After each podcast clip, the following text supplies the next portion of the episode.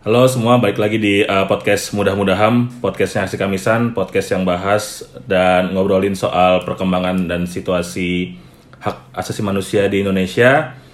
Dan ini edisi yang mungkin uh, cukup berat dan ya lagi hangat-hangatnya dan pasti bisa jadi menguras emosi kita semua karena kita ngebahas satu tragedi kemanusiaan yang baru saja terjadi di 1 Oktober 2022 di malam hari di Kabupaten Malang di Stadion Kanjuruhan, stadion yang menyelenggarakan pertandingan antara Arema Malang dan Persebaya Surabaya. Berakhir 3-2 tapi ini bukan soal kesedihan kalahnya Arema tapi soal adanya uh, ya tragedi kemanusiaan. Ya dibahasakan kericuhan karena ingin dianggap sebagai bentuk uh, kerusuhan yang diinisiasi oleh uh, Aremania atau supporter Arema yang nonton pertandingan itu di lapangan berhamburan ke lapangan setelah peluit panjang ditiup.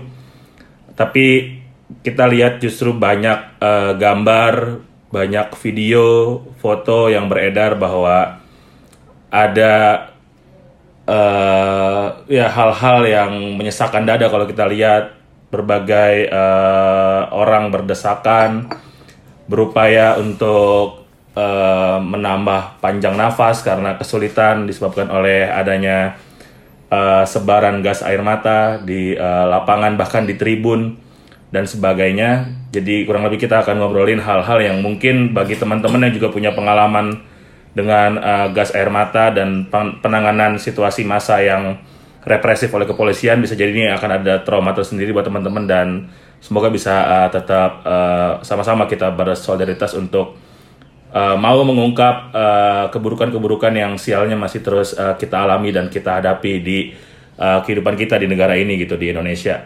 Nah untuk bahas ini gue nggak sendirian, uh, eh, gue Jali akan ditemenin sama satu uh, teman ngobrol, uh, seorang peneliti HAM di uh, Imparsial. Kalau buat teman-teman yang belum uh, familiar sama Imparsial, ya Imparsial salah satu uh, NGO uh, non government organization atau uh, LSM yang uh, punya fokus untuk meneliti soal perkembangan uh, situasi dan kondisi hak asasi manusia Indonesia. Ini juga didirikan oleh uh, almarhum uh, Munir Said Talib selain mendirikan kontras dan beberapa inisiatif lainnya. Langsung aja ini ada uh, Hussein Ahmad. Uh, kita sapa dulu kali ya. Halo Hussein. Halo Jali. Wah, wah nadanya semangat nih. Gue pikir kayaknya situasinya lagi ini ya. Tapi ya, harus semangat dalam rangka membongkar ya apa yang harus kita. Dalam, dalam rangka membongkar karena sedih-sedihnya udah kemarin karena gue juga kebetulan juga supporter dan gue juga dulu lama di Malang jadi gue relatif cukup uh, apa merasakan magnitude kesedihannya lah uh, yang dirasain teman-teman gue saudara-saudara gue di Malang. Ya, hal ini sangat relate dan personal bagi Husen karena uh, sebagai informasi Husen dulu uh, merupakan jebolan dari Fakultas Hukum Universitas Brawijaya, satu alma mater dengan Cak Munir dan beberapa uh, pentolan HAM lainnya tentunya. Dan ya karena berkuliah di Malang tentu uh, akrab dengan uh, dunia sepak bola di wilayah Malang juga yang jadi salah satu epicentrum uh, pergerakan sepak bola juga di uh, Indonesia lewat Arema tapi juga kalau sehari-hari karena base-nya di Jakarta Jackmania lah sennya. Jackmania gue, gue dulu di Malang ya jadi Jack ngalam. Jack ngalam. Kalau di Malang kan semua bahasa dibalik tuh, namanya bahasa hmm. wali, walikan. Nah, kalau Malang dibalik tuh ngalam. Jadi gue dulu ikut namanya Jack Jack ngalam. Kalau nyebut orang-orang juga biasanya are-are kalau bahasa Jawa Timur ini jadi ah, kera, ah, jadi kera, kera, kera. kerang alam. Arek arek Malang tuh kerang alam jadinya. Gitu. Oke, okay. Sen, uh, ya mungkin buat teman-teman juga udah tahu semua lah ya karena ini udah jadi satu publikasi secara masif di tingkat global. Kalau kita nonton Liga Spanyol kemarin mereka sebelum pertandingan ada uh, minute of silence, bahkan hmm. Liga Champions juga semalam ya. Iya. Yeah itu ada minute of silence hmm. di Liga Inggris juga para pakai ban hitam dan betul, uh, semuanya betul. Liga 1 sampai 3 sih di stop uh, ya karena korbannya uh, lebih dari uh, 100 datanya uh, pemerintah yang dilansir oleh uh, Kapolri dan sebagainya gitu-gitu 125 yeah. ada selisih tipis lah dengan data yang juga sudah dikompilasi oleh teman-teman Aremania sebagai uh, pihak langsung di kejadian tersebut Hmm. Saya mungkin eh, eh, untuk tipis-tipis di awal gitu eh, mengingatkan soal konteks apa yang terjadi di malam itu Ya. bisa eh, share gak kira-kira apa yang akhirnya lo pahami soal yang terjadi di 1 Oktober 2022 ini? Iya. Dari gua ngobrol sama teman-teman juga di Malang, juga ngobrol sama anak-anak LBH Malang gitu ya. Sama teman-teman Aremania itu juga gue juga sempat ngobrol juga. Eh, yang terjadi malam itu kan sebetulnya ketika eh, peluit akhir ditiup itu kan ada beberapa kawan-kawan Aremania itu yang turun ke lapangan. Dan sebetulnya kalau dari pandangan mata teman-teman gue itu ada ada satu benang merah yang bisa diambil kalau mereka itu sedang bukan mau melakukan kerusuhan gitu ya. Sebagaimana tuduhan di awal tuh ada yang katanya mau bakar-bakar ada yang mau mau apa mukulin pemain persebaya dan lain sebagainya. Tapi enggak dari beberapa kawan yang hadir di sana dan secara pandangan mata mereka bilang bahwa beberapa supporter yang turun itu kan dari Tribun Selatan eh, dia mau menyampaikan eh, keresahannya terhadap pemain Arema gitu ya. Karena beberapa kali itu rekornya ditembus tuh. Misalnya Persebaya tuh berapa belas tahun nggak pernah menang di Malang akhirnya nih menang di Malang. Oh, Persija juga ya? Persija juga setelah berapa belas tahun juga ya, gue lupa deh tuh. Eh, rekornya akhirnya jebol tuh. Nah itu mereka kecewa karena ada anggapan begini di dunia, di dunia supporter tuh. Kita boleh nggak nggak menang liga, tapi jangan kalah sama rival. Nah minimal seri lah kalau nggak nggak boleh kalah. Nah Apalagi di kandang ya? apalagi di kandang dan ini keramat gitu ya apalagi Arema dalam posisi yang sedang bagus-bagusnya dan sebaliknya Persebaya dalam posisi yang sebetulnya sedang nggak bagus nah itu mereka eh, ingin meluapkan kecewaannya. Dan itu biasa terjadi di dalam apa namanya di di sepak bola. Bukan gue mau bilang bahwa pitch inva- invasion itu betul dan dibolehkan. Tidak juga tetapi itu hal yang lumrah terjadi dan tidak perlu sampai menimbulkan korban sedemikian banyak. Nah, kalau kita lihat pitch invasion sebelumnya itu kan nggak nggak lama tuh, itu terjadi dalam pertandingan persebaya, gue lupa lawan Rans ya kalau nggak salah yang dia kalah tuh di, di kandang dia, tapi main di sidoarjo. Karena usiran karena ada partai timnas di di Gelora Bung Tomo tuh kalau gue nggak salah. Kalah, kemudian persebaya eh, Bonek-bonek ya? bonek kemudian ngancurin stadion Gelora, Gelora Delta kalau gue nggak salah tuh di di sidoarjo. Tapi nggak terjadi ada orang mati gitu.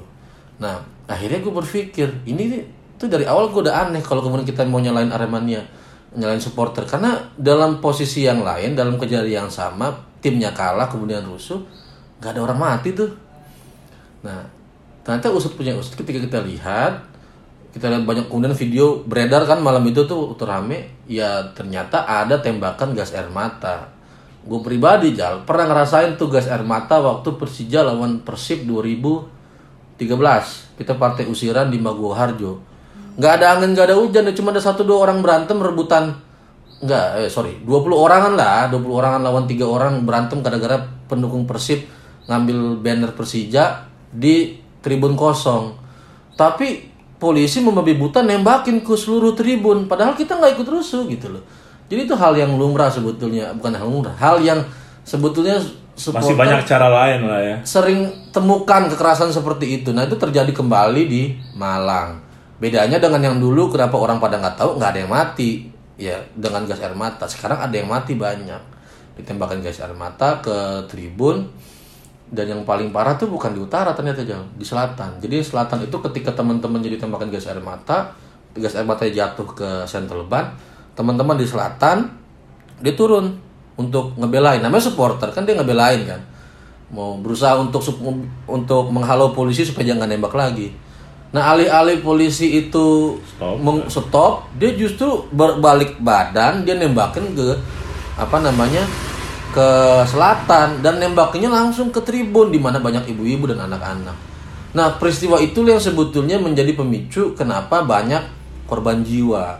Sembari lagi itu dapat kabar nih, tentu saja ini kabar ya eh, bahwa beberapa gate itu dikunci dengan alasan eh, polisi atau pihak keamanan mencari pelaku, mencari provokator gitu ya.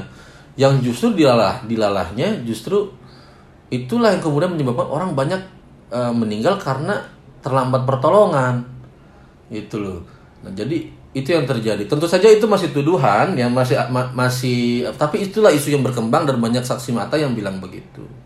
Kendati kemudian hari ini polisi bilang nggak ada eh, Kompolnas yang bilang ya apa hari ini nggak ada pintu yang dikunci.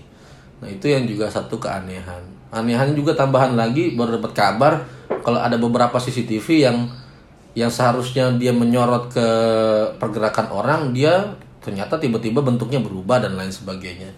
Itu juga yang terjadi. Ini kita kayak dejavu ya kalau sama polisi ini ya kalau Sambo juga CCTV Ya. ini CCTV juga. FPI. ini kita belum ngomong CCTV aja nih. Kalau kita ngomong CCTV dia bilang CCTV-nya hilang lagi nanti. Nah FPI juga begitu rusak CCTV nggak tahu jauh ya kira-kira itulah apa namanya yang informasi sementara yang gue dapat dari teman-teman di Malang. Ya, oke. Eh, tadi ada beberapa poin atau insight yang menarik dari Hussein nih untuk menggambarkan apa yang terjadi di eh, 1 Oktober 2022 kemarin yang mungkin bisa kita bahas dari eh, segi penegakan hukum dan juga HAM-nya nih. Kalau dari hukum kan kita pasti kenal ada sistem penegakan hukum kriminal ya atau criminal justice system ya yang Yes. Ya tadi Husain udah gambarin kalau memang ada pitch invader gitu meskipun tingkat harmfulnya itu rendah ya bisa jadi karena ya bahkan kalau lagi perayaan kemenangan liga itu orang ya Turun. ruah semua kan satu isi stadion gitu gimana lah lihat liga-liga lain gitu Eh, bahkan klub yang fansnya sepi aja Ma- Man City kalau lagi juara ya. Gue ngomong gitu karena gue pendukung MU nih. Walaupun kalah kemarin satu hari setelahnya kan. Tapi ya, at least eh, apa namanya karena juga penonton masuk kan udah lewat screening ya Sen ya? Lewat screening. Udah di, Bareng-bareng digeledah digeledah ini sorry ya mungkin agak ini. Tapi sampai selangkangannya tuh juga kena pegang untuk Body checking barang-barang ya? Iya body checking itu udah udah nggak mungkin barang-barang aneh masuk lah artinya ke sana itu udah mungkin orang nggak dan dia orang itu udah di udah diputus urat untuk melakukan kekerasannya sebetulnya ya tulus-tulus gitu. untuk bikin kekerasan atau tindak Betul. pidana itu udah Betul. udah cenderung sulit lah walaupun bisa jadi kalau ada orang turun nyabut gawang terus pakai mukul orang mungkin tapi ya itu bisa ada tindakan yang lebih terukur yakni ya cukup ditangkap dan nanti diproses di diproses nggak tapi yang menarik gini juga Jal karena pendukung karena bonek nih pendukung persebaya nggak datang betul Terus dengan logika apa nih persebaya eh persebaya Aremania ini mau melakukan kerusuhan kepada siapa? Sasarannya pada siapa gitu loh. Sehingga harus kalau katakanlah kalau ini dia bilang ah, sudah lakukan karena Kapolda kan ngomong gini nih. Kita sudah lakukan pro- prosedur tindakannya terukur dia bilang begitu. Terukur dari mana gitu ya kalau sampai begitu karena potensi yang mereka sebut sebagai kerusuhan itu hampir nggak ada gitu loh. Menurut gue ya sebagai selain sebagai human rights defender, sebagai hum- human rights lawyer, tapi juga sebagai supporter itu nggak masuk akal kalau gue sebagai Aremania gue mau ngerusuh ke siapa gitu loh kan nggak mungkin gue mukulin pemain eh, apa namanya Yang Aremania dukung, sendiri ya kan? Ya, apa kalau lihat di video itu pemain persebaya udah masuk duluan ke dalam apa namanya? Ruang ganti. ruang ganti. Nggak mungkin dikejar. Kita juga mikir berapa, berapa ribu kali kalau mau ngejar sampai sono. Gitu. Kira-kira nggak ada lah. Niat mau bikin kerusuhan tuh nggak ada. Gitu. ini gua rasa memang murni excessive use of force. Penggunaan kekuatan yang berlebihan jal. Tidak hanya oleh polisi. Ini kan buat teman-teman yang nggak nonton nih. Juga ada tentara di sono. Ya, ada video beredar beredar. nendang macem-macem kan. Itu juga aneh tuh gua. Ngapain tentara ada di dalam stadion gitu ya? Mau nonton gratis sih nonton kayaknya gratis ya. nggak gratis jal. Mereka Oh, iya. dibayar loh. Malah dibayar ya? Mereka dibayar loh. Gue pertanyaan sederhana gini ini nggak nuduh tapi sederhana. Sejak kapan pasukan tentara sama polisi brimob itu dia punya dana khusus buat melakukan pengamanan dalam stadion? Ada jal. 2000 orang itu kan minimal butuh makan ya butuh transport. Makan berapa kali tuh? Dia pasti standby dari pagi kan sampai malam tuh transport butuh uang rokok dan sebagainya itu kan duit tuh. Ya, siapa yang beban- provide? beban penyelenggara yang akhirnya dibebankan ke penonton nah itu yang nggak boleh sebetulnya. Hmm. polisi kan nggak boleh terima duit terima makan. Lagi-lagi ini bukan tuduhan nih Ya, tapi kita ya. pakai logika sederhana. Kalau polisi nggak punya duit tentara nggak punya duit nah berarti kan ada logika bisnis sana yang, yang bergerak tuh. Oh dia ada di sana 2000 orang. Ini kan duit banyak nih 2000 orang kali berapa berapa puluh ribu kali 2000 orang berapa duit tuh bagaimana pertanggungjawabannya itu gitu itulah kenapa juga kalau dari teman-teman sini bukan gue yang ngomong dari teman-teman itulah bisnis lain dari sepak bola ya apa keamanan yang dalam tanda kutip diduga ngobjek, diduga nih, Iya. diduga ngobjek. Gue ngomong sama beberapa temen gue yang juga jadi pengurus klub, itu memang lumrah gitu ya. Jadi hampir tidak ada permintaan pasukan, tetapi ketika mereka technical meeting nih Jal nih, ini agak lompat nih, tapi ini Iya. penting. Technical meeting antara klub kemudian Polres eh, dengan Dandim gitu ya, dengan kod, apa Kodim atau kalau levelnya lebih besar lagi dengan Pangdam dengan Kodam gitu ya, dengan, dengan stafnya Pangdam. Itu mereka akan bilang, "Oke, kalau supporternya sekian, maka gua akan terjual sekian, lu sediain duit sekian." Itu loh. Katanya Jal. Sempat Lagi-lagi juga beredar kan ada salah satu panpel klub mana yang Iya. dapat surat izin keramaian menggunakan stadion nggak karena ada permintaan uang dan sebagainya. Betul, betul. Dan itu bukan uang sedikit, Jal. Hmm. Betul-betul kalau kota besar tuh bisa angkanya bisa miliaran. Gak tahu hitungan dari mana tuh. Itu yang lagi-lagi tuh gue dengar. Gitu. Bukan Husain yang ngomong, tapi ya adalah informasi yang bilang begitu gitu. Dan itu nah ini bukan tuduhan tetapi itu suatu yang harus nah karena ini pemerintah udah bikin TGIPF nih. Hmm. Itu adalah bagian yang pemerintah harus usut tuh. Baik polisi maupun tentara itu nggak boleh terima duit daripada eh, selain daripada APBN. Itu nggak boleh, itu jelas tuh. Nggak boleh dong. Emang Wah, bedanya sama jasa keamanan swasta betul, kan, betul. satpam dan Ambil sama satpam apa ya kan? gitu. Walaupun seragamnya udah bikin mirip kan.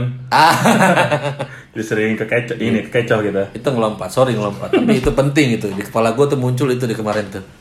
Ya, ya, dan ya kalau kita belajar juga dari penyelenggaraan uh, bola di luar negeri, Piala Dunia, Liga masing-masing dan sebagainya ya, seharusnya uh, cerminan atau wajah kepolisian dan militer tuh nggak tampak banyak dalam satu pertandingan sepak bola, Sen ya. Nggak muncul, nggak muncul. Lu kalau lihat nonton pertandingan Persija tuh udah mulai tuh. Dia di kalau di pertandingan Persija yang ada adalah sekarang steward steward yang menghadap ke dalam Ke penonton ya. Walaupun polisi masih station di di sektor tertentu gitu ya, tapi dia nggak melingkar jauh, gitu. Dia dia akan melingkar ketika memulai pertandingan dia muter doang tuh. Nah terus selesai pertandingan itu kan memang karena, nah ini yang mesti juga dipahami karena pertandingan bola itu sifatnya eh, perizinannya itu top to bottom. Ini gue hasil diskusi gue sama teman-teman pengurus eh, klub ya. Jadi di awal itu kan ada general meeting dia tuh seluruh uh, pemilik klub ya pengurus klub itu berkumpul dikumpul satu tempat sama ketua PSSI ketemu sama uh, ini uh, Kapolri waktu itu. Jadi memang skemanya dari awal tuh memang top dan bottom. Nah ada yang bilang bahwa ini akhirnya karena begitu skema pengamanan yang dilakukan skema Kamdagri keamanan dalam negeri. Bukan ke- keamanan ketertiban masyarakat. Bisa lihat di mana? Ada tentara turun tangan di situ. Jadi skemanya keamanan. Bagaimana caranya menciptakan keamanan, bukan bagaimana menciptakan eh, ketertiban eh, masyarakat gitu ya dengan pendekatan yang soft approach gitu. Maka kita bisa lihat ada pentungan, ada ini karena itu tadi. Dari dari awal settingnya udah begitu. Ada pentungan ada tameng ada gas air mata gitu. Karena itu tadi gitu loh jalan Ya, bahkan di apa namanya regulasi level internasional yang dilakukan oleh FIFA ya ada pasal khusus. Nggak boleh, nggak boleh. Senjata api dan Nggak- gas, ya. Boleh, nggak boleh. Lu kan nggak lihat kan di Liga Inggris ada polisi bawa gas air mata gitu-gitu. Gue pengalaman jal waktu gua dulu tinggal di luar ya di, di Jerman gitu juga. Pertandingan misalnya Ha- Hamburg itu dia ada eh, apa namanya derbynya dengan San Pauli, ya kan? Itu kalau sekeras apa pun pertandingan, polisi tuh nggak masuk ke dalam central ban loh. Mau tuh di Westphalia Stadion ataupun di Millentor di Stadion San Pauli kalau dia derby nih itu nggak ada nih polisi di dalam stadion. Dia di luar. Karena dia memahami kalau di dalam itu urusannya football family. Orang-orang orang-orang bola tuh yang paling ngerti di dalam nih yang dia yang kalau ada tapi kalau ada tindak pidana di dalam baru dia masuk diambil tuh. Ada penusukan atau ada apa gitu ya ada pembakaran eh, ada pengerusakan itu baru polisi masuk. Tapi kalau nggak ada dia nggak ikut ngamanin. Karena dia tahu wilayahnya dia di luar itu. Dan itu bisa memunculkan juga apa namanya psikologi masa kalau betul. ada polisi. ya. betul ada psikologi masa nah polisi posisinya di luar gitu ya jaga. Ada gas air mata? Ada tapi tidak dibawa aja.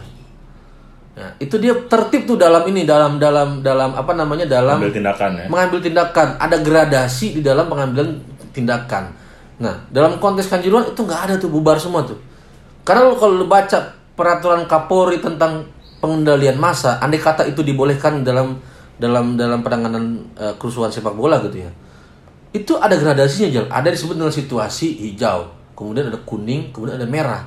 Dalam situasi tertentu itu nggak boleh tuh pakai gas air mata. Nah, terjadi di Malang kan kita bisa lihat nih. Kompolnas tiba-tiba bilang bahwa itu diskresi apa namanya daripada eh, anggota di bawah. Gak boleh diskresi dalam kayak begitu. Karena ada, udah dikunci dalam perkap. Perkapnya bilang ini harus ada perintah, harus ada A, B, C, ha- harus ada bagaimana melihat kondisinya, kemudian dinilai asesmennya. Asesmen selesai baru naik statusnya. Ini asesmennya belum ada, gitu loh. Nah itu terbukti komentarnya Kompolnas yang bilang bahwa itu diskresi. Nggak boleh diskresi. Dalam Iya. konteks itu nggak boleh diskresi. Diskresi itu dibolehkan kalau lu nyawa lu terancam. Nyawa lu nggak terancam bos. Di situ. Dalam konteks ini loh ya. Iya. Karena apa? Kalau pasukan pasukan yang bawa, pasukan brimob yang bawa gas air mata itu dalam rangka pengendalian massa dan oleh karena itu bukan diskresi. Ada komandan yang bertanggung jawab gitu loh. Diskresi itu dilakukan kalau misalnya polisi lihat ada misalnya orang nusuk, dia tangkap tuh. Ini kan enggak, bukan begitu. Ini dalam konteks pengendalian massa itu ada ada assessment yang bertingkat yang dia harus lakukan supaya oh pertama pakai tameng cukup, kedua pakai apa namanya pentungan, naik levelnya lagi nih. Oh pakai gas air mata, gas air mata nggak cukup, pakai peluru karet, kira-kira gitu lah. Itu ada assessmentnya jalan. Dan ini nggak jalan semua. Siapa yang bilang nggak jalan? Bukan Husen. Yang bilang nggak jalan adalah Kompolnas statement hari ini. Yang dibilang itu ada diskresi. Padahal menurut pemahaman gue itu nggak boleh diskresi, nggak boleh mengambil keputusan sendiri. Gitu loh. Iya, apalagi kalau dalam criminal justice system lagi-lagi kan harusnya emang tindakan itu ke eh, pihak baik orang atau kelompok yang diduga kuat tertangkap tangan melakukan tindakan pidana yang Betul, menderdam, bukan ke betul. arah masa ya kan? Bukan ke arah masa, lu harus tahu persis itu siapa pelaku baru lu melakukan diskresi. Ini kan enggak. Lu nggak tahu persis nih siapa pelaku. Saya melakukan diskresi. Dan dalam konteks kanjuruan, kalau ada orang katakanlah ada orang mau yang seperti isu dia akan melakukan kerusuhan, dia mulai bakar-bakar. Kalau emang itu ada, kenapa nggak ditangkap? Mm-mm. Kenapa justru nembaknya ke tribun yang ada ibu-ibu, ada anak-anak, ada anak kecil, ada perempuan, ada orang tua di sana kan? Itu kan nggak semuanya perusuh di situ dong bos, nggak mungkin. Nah oleh karena itu nggak boleh tindakan begitu. Kalau ada perusuh, ada pelanggar pidana, lu tangkep, bukan dipukulin, bukan dipentungin, ditendangin. Kalau kita lihat di foto kan Iya, satu ditendangin. dua orang yang ditangkap itu malah akhirnya dikeroyok dan itu memancing amarah Betul. orang di tribun untuk turun dan memperkeruh suasana. Maling aja nggak boleh dipukulin, apalagi ini orang yang dalam tanda kutip lo belum tahu nih lo belum tentukan dia tindak pidananya apa, gitu loh. Oleh karena itu diskresi itu menjadi salah yang tadi. Kalau memang itu diskresi loh, kan kita belum tahu nih bener nggak diskresi. Kompolnas info dari mana di diskresi? Emang Kompolnas udah panggil Kapolres? Nah, gue nggak tahu nih prosesnya gimana nih. Iya. Kalau memang dia udah panggil Kapolres, ya emang udah di cross check gitu. Ini kan ada semacam persis ini seperti Kapolda yang bilang begini nih. Anggota saya sudah sesuai dengan protap. Lu tahu dari mana, Bos? Pak Kapolda ini udah sesuai protap. Padahal kan menentukan sesuai protap atau tidak, itu kan ada prosesnya. Ada penyelidikannya, kan gitu ya. Kalau di Kompolnas, proses di Kompolnas harus, harus udah selesai dulu. Kalau di etik di Propam, proses di, di Propam harus selesai dulu. Baru seorang Kapolda boleh ngomong anak buah gue itu sesuai dengan protap. Ini kan mendahului proses jal. Betul. Ahli nujum nih kira-kira begitu nih. Tiba-tiba dia ngomong atau mau ngebela instansinya aja. Iya, ya atau jangan dia ketar-ketir dia takut digeser gitu ya. Untungnya digeser cuman Kapolres. Kapolres nih. Nah, gue tak gue yakin nih Kapolres lagi nih lagi ketakutan nih digeser juga nih. Sama kayak Kapolda Metro Jaya dalam konteks Sambo kali ya. Betul. Ge- geser apa lagi lagi apa ya, dia lagi Waspada banget. lagi waspada banget gitu ya. Makanya dia serampangan tuh ngomong tuh nggak boleh dong. Masa Kapolda padahal kan gini logikanya. Brimob itu kan stasiunnya di mana Jal? Di Kapo, di Polda. Hmm. Berarti anak buahnya dia kan? Ya. Kalau Brimob melakukan kesalahan, jangan langsung dia ngomong anak buah gue sesuai dengan protap dong. Dia harus mestinya bilang saya akan melakukan evaluasi, saya akan selidiki. Itu lebih benar. Tapi kalau tiba-tiba satu hari setelah kejadian tanggal 2 Udah ngasih judgement. langsung bilang anak saya anak buah saya sesuai dengan protap, berarti dia melindungi diri, melindungi anak buahnya. Yang ini nggak benar dan oleh karena itu sudah seharusnya dia dievaluasi. Dia diselidiki keterlibatannya dalam proses ini. Karena dia dari awal sudah defensif. Nah, nyambung soal evaluasi koreksi nih, karena ini bukan pertama saya nih tadi juga di mention ada beberapa peristiwa yang melibatkan juga gas air mata dan eh, ya bisa diprediksi kalau ini enggak koreksi dan evaluasinya enggak bener ke depan pertandingan bola masih ada tuh gas air mata dan sebagainya. Ini jadinya tahapannya seperti apa nih Sen? Mulai dari prosedur sampai ya harusnya tindak pidana yang menjerat ke anggota TNI Polri yang melakukan kekerasan terhadap Aremania kemarin. Iya, jadi kan begini. Presiden udah bentuk lewat Menko Polhukam bi- bi- bikin tim gabungan independen pencari fakta. Tim gabungan independen pencari fakta dengan profil uh, anggota yang apa namanya uh, keren-keren itulah gitu ya. Keren tuh Walaupun dipertanyakan independensinya. dipertanyakan karena ada beberapa purnawirawan yang dia masih pastikan minimal dia terima gaji dong dari dari polisi dari tentara padahal polisi dan tentara kita pengen evaluasi tuh nah itu dipertanyakan tapi anggaplah mereka bisa bisa melakukan eh, apa namanya kerjanya dengan baik. Yang mereka harus lakukan yang paling pertama itu adalah ini orang-orang yang udah digeser nih Kapolres kan digeser nih. Kemudian eh, siapa namanya eh, kepala-kepala komandan-komandan brimob kan beberapa ada yang dicopot tuh. Itu nggak boleh berhenti sampai situ. Dia harus ada pertanggungjawaban pidana. Karena dia kalau katakanlah dia tidak terbukti memang tidak melakukan perintah tetapi dia membiarkan itu terjadi itu juga sudah salah dalam konteks ini pembiaran itu padahal dalam kapasitasnya dia dia bisa dia bisa menghentikan dalam logika hukum pidana ini belum sampai hukum hak asasi manusia nih Iya. dalam logika hukum pidana itu merupakan bagian daripada pembunuhan ini kan kita bisa sebut pembunuhan Iya, ada Gitu loh. nyawa yang melayang. Ada nyawa yang hilang gitu loh. Dia bagian daripada itu dan oleh karena itu evaluasinya tidak hanya selesai sampai etik atau digeser-geser ini digeser tuh maksud gue dipindahin gitu Mutasi, ya, ya. dimutasi gitu ya. Tapi juga dia harus diseret dalam proses pro justisia. Dalam penyelidikan penyidikan sampai penuntutan di pengadilan dia harus diseret ke sana. Kalau nggak gitu Jal, ini yang lain nih nggak cuma Aremania yang akan jadi korban.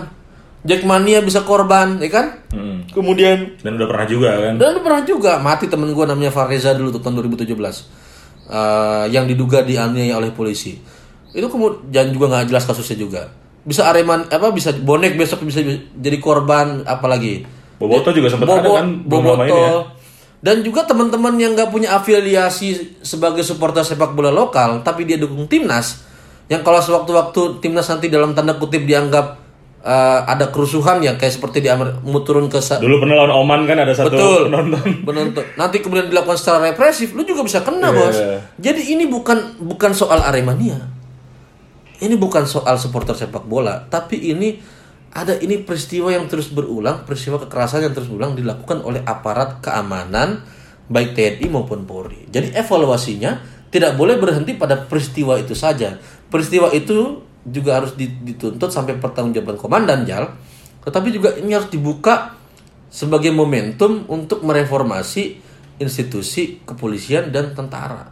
Ya, dua hal yang paling penting eh, dalam hal ini adalah pertama penghapusan kultur kekerasan di kepolisian. Jadi dia kan dulu lama ikut abri nih polisi nih. Jadi kultur kekerasannya masih mendarah daging jal. Gitu ya. Ya nggak bisa habis lah satu hari satu oknum habis-habis ya kan. dan terus diiniin dan terus direproduksi dan terus dirayakan masuk gue dirayakan tuh begini nih ngapain brimob itu punya baju loreng sederhana begitu ya baju loreng itu kan identik dengan militer militer itu kan memang dididik untuk eh, membunuh dan menghancurkan. Sedangkan polisi kan tugasnya lin lanyom Mm-mm. pelindung pelayan mas dan pengayom masyarakat.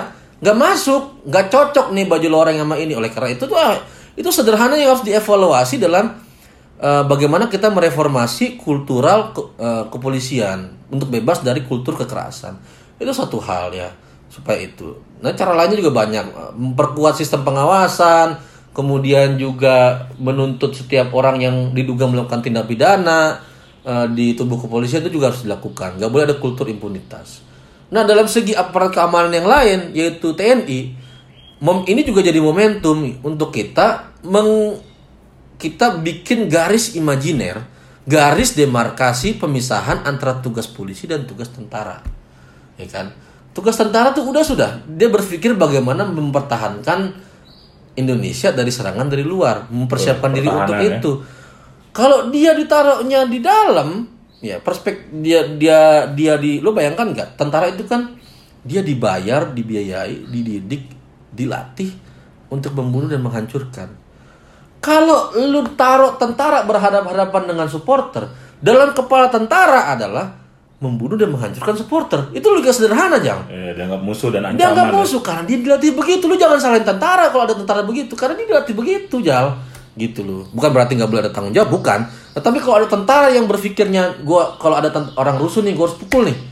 Ya memang secara naluriah dia begitu. Jadi jangan dibawa ke arena sama sekali ya. dan oleh karena itu jangan dibawa ke arena sama sekali. Tidak hanya dalam stadion tapi juga jangan ngawal demo Transportasi publik. transportasi publik. Karena nggak masuk dalam tugas pokoknya dia. Itu ya ini momentum ini menjadi garis demarkasi kita pembedaan antara perannya polisi sebagai kam- keamanan dalam negeri dan perannya tentara sebagai alat pertahanan negara. Di bagian itu kita harus jelas gitu.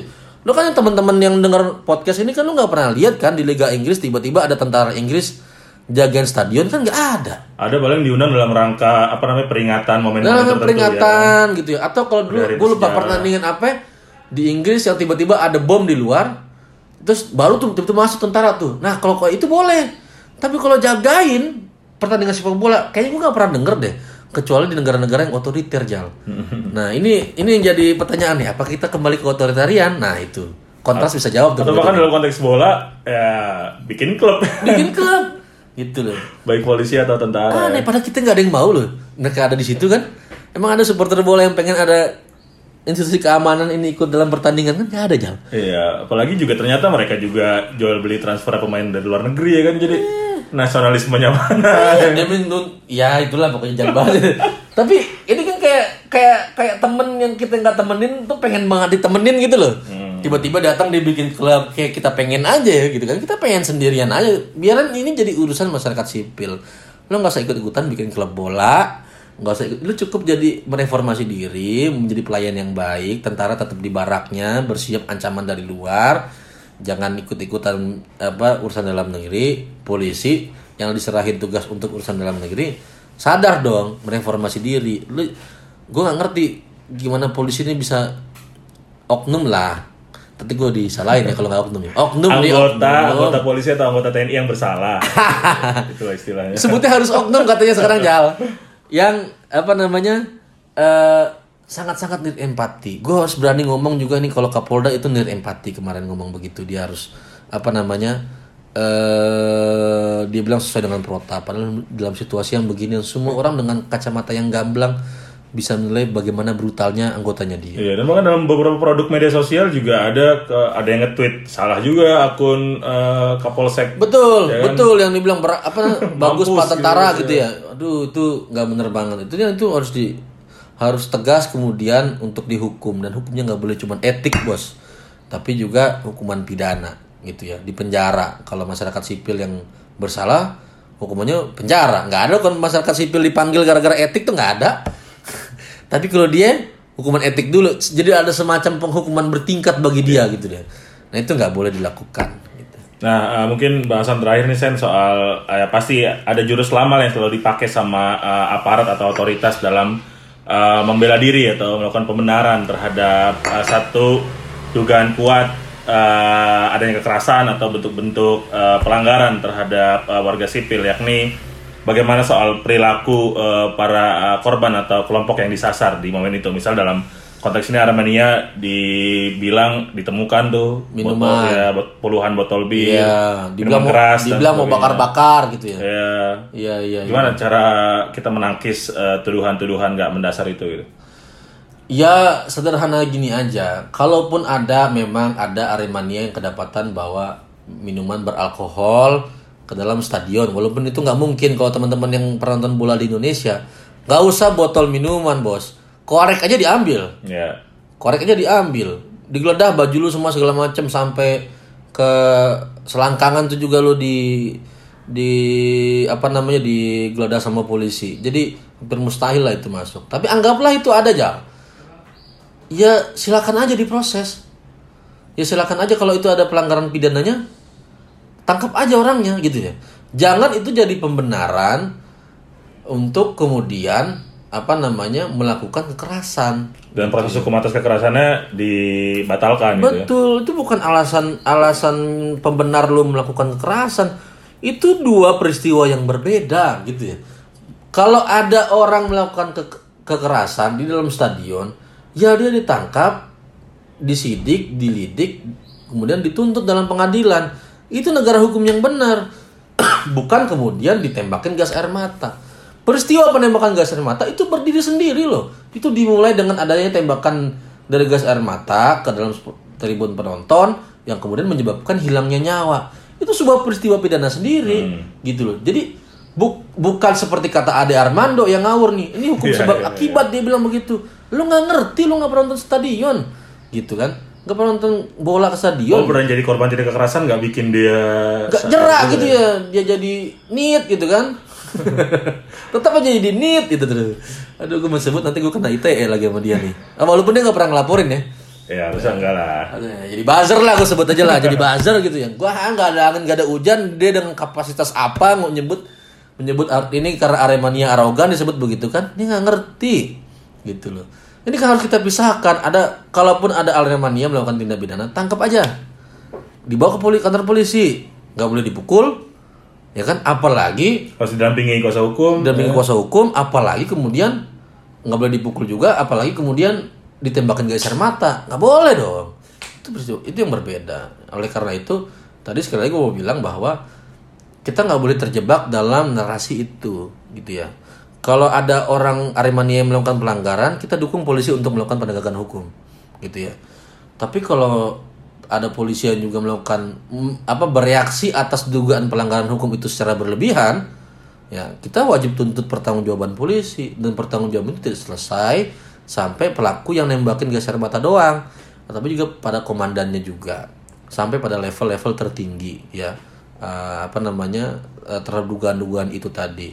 Kalaupun kemudian di kemudian hari sekali lagi gue bilang bahwa kalau ti- terbukti bahwa misalnya tidak ada perintah untuk melakukan penguncian terhadap pintu-pintu keluar, anggaplah itu benar tidak ada perintah dan itu dilakukan secara diskresi. Tapi kan itu kan terjadi karena pada pembiaran. Kalau komandannya tidak membiarkan kan nggak nggak mungkin anak buah ngelawan komandan kan Ya, gitu. Siapa juga inisiatif tiba-tiba anak buah nyunci pintu misalnya. Nggak ya. mungkin. Anggaplah itu inisiatif jalan. Tapi kan inisiatif itu kan terjadi karena ada pembiaran gitu ya. Pembiaran itu sendirilah juga suatu perbuatan yang salah. Bisa dicegah dari Harusnya awal. dicegah. Dia membiarkan orang jadinya meninggal. Oleh karena itu dia bagian daripada pembunuhan kalau gue mau sebut pembantaian ini gitu kita apa namanya harus tegas bahwa bilang ini pembantaian bos itu ya Ya, masaker ya. Ya dan ini tadi gue bilang di konferensi pers tadi siang sama teman-teman. Ini mengarah terhadap kejahatan kemanusiaan. Betul. Gitu. Ada potensi kuat, Nah ini sistematik ya. iya, nah gue, ya, nah, karena oleh karena itu gue pengen tahu nih Komnas HAM kerjanya bener gak nih, gitu kan ya? Kalau Sambo dia bisa konferensi pers tiap hari muncul tuh Betul. di publik. Kalau Sambo itu yang mati cuma satu orang, gue bukan mau bilang bahwa itu nyawanya nggak Iya. penting, penting. Tapi ini nyawanya lebih banyak lagi jam Betul. yang meninggal. Nah, kita pengen kita mau lihat teman-teman semua harus perhatiin bagaimana Komnas HAM apakah effortnya sebesar dia eh, dalam kasus Sambo ya atau tidak nih gitu loh. Karena ini kasus ini pasti kan magnitude-nya tidak sebesar Sambo yang sangat politis gitu ya. Tapi kita bisa lihat lah eh, mereka sampai mana. Karena dugaan-dugaan tadi mengarah ke sana. Jangan sampai lagi eh, Komnas HAM eh, apa namanya eh, bikin statement-statement yang eh, dalam tanda kutip gak bener lah, bukan pada tempatnya lah gitu ya. Itu banyak catatan kita soal Komnas HAM juga dalam eh, sekarang juga eh, apa namanya yang kita harapkan dia bisa benar ternyata juga eh, sedikit melenceng dari apa yang seharusnya gitu ya. Nah dalam konteks ini, gue rasa ini karena jabatan Komnas HAM ini dikit lagi selesai, Iya.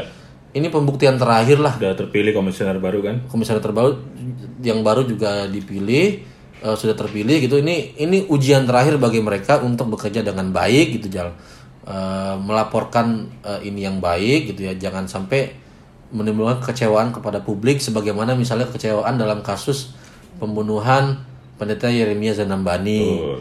itu loh yang dia rekomendasinya ngawur. Dia bilang "Ah, harus ini alih-alih ngomong ini eh, di pengadilan HAM, ini diselesaikan di pengadilan koneksitas dan dan juga pada kasus-kasus yang lainnya. Nah ini harapan apa namanya masyarakat lah terhadap Komnas HAM gitu ya. Apalagi di Komnas HAM ada dua orang Malang tuh. Tuh, Cana. Tuh, Cak Anam, Aremania kan dia tuh sama eh, siapa? Bang BK, Bang BK itu juga orang Malang. Dan komisioner yang baru juga ada orang Malang gitu. Oh, iya. Mas Wawan. Wawa. Itu art- artinya dia dia cukup punya kedekatan lah dengan dengan dengan peristiwa ini dan seharusnya oleh karena itu itu harus dimanfaatkan bukan menjadi sentimen ini, bukan menjadi sentimen kedaerahan tetapi menjadi Karena pengetahuan dasar dan akses ada. betul, betul, betul sebagai pengetahuan dasar, sebagai sebagai batu berpijaknya dia ya untuk mengusut tuntas kasus ini dengan benar gitu. Gitu sih, Jang. Oke, ini poin terakhir banget Sen. Selain mungkin tentu ungkapan uh, duka cita yang mendalam terhadap Aremania, para korban dan juga ya kondisi sepak bola di Indonesia secara umum lah ya, para supporter dan sebagainya. Ya pesan apa yang mau disampaikan buat Aremania dan juga mungkin supporter-supporter uh, lain dalam konteks akhirnya kita sekarang ibarat face a face lah ya. Karena ya mungkin blessing in disguise-nya ya semacam ada beberapa momentum bagi beberapa kelompok sepak apa supporter sepak bola untuk Islah. mengakhiri uh, pertikaian, permusuhan dan sebagainya gitu-gitu. Nah, dalam konteks uh, merawat uh, ya bisa dibilang ini merawat nyawa kita sih sebenarnya gitu, mempertahankan hidup dalam uh, kesukaan kita dalam menonton sepak bola tapi ada ancaman yang begitu besar dari uh, pihak uh, kepolisian dan tentara dalam lapangan gitu uh, yang akhirnya dalam kasus ini terbukti bisa menghilangkan lebih dari 125 orang uh, nyawanya hilang. Bagaimana nih kita ke depan uh, harus bersikap nih? Yang pertama gue mau bilang bahwa eh, dukanya Aremania itu dukanya seluruh supporter dan oleh karena itu seluruh supporter ayo kita berhenti bermusuhan, bertikai. Kalau apa namanya ceng-cengan boleh lah, Banter-banter ya. banter lah kalau bahasa Inggrisnya tuh, tapi nggak nggak sampai kekerasan fisik ya. Nah, tapi Aremania kejadian kanjuruhan ini harus menjadi momentum kita untuk menuntut bersama eh, reformasi di tubuh kepolisian dan tentara. Ya, karena itulah musuh bersama kita yang nyata hari ini, kekerasan terhadap supporter. Dan lebih Selama warga lah ya. Iya, dan lebih luas lagi adalah kekerasan terhadap masyarakat sipil. Betul. Supporter adalah bagian dari masyarakat sipil. Dan oleh karena itu, eh, masyarakat sipil juga harus melihat ini juga sebagai eh, momentum untuk bersatu untuk kemudian eh, menentang kekerasan-kekerasan terhadap masyarakat sipil. Dan yang kedua, gua harus buka baju gua sebagai eh apa namanya? anak imparsial nih, Jas. Apa Jal? Gue sebagai supporter gue bilang ke polisi, ke tentara, ke negara, no justice, no peace. Mm-mm. Itu aja sih. Oke. Thank you banget Hussein Ahmad dari Imparsial atas uh, keterangan-keterangan yang seru banget.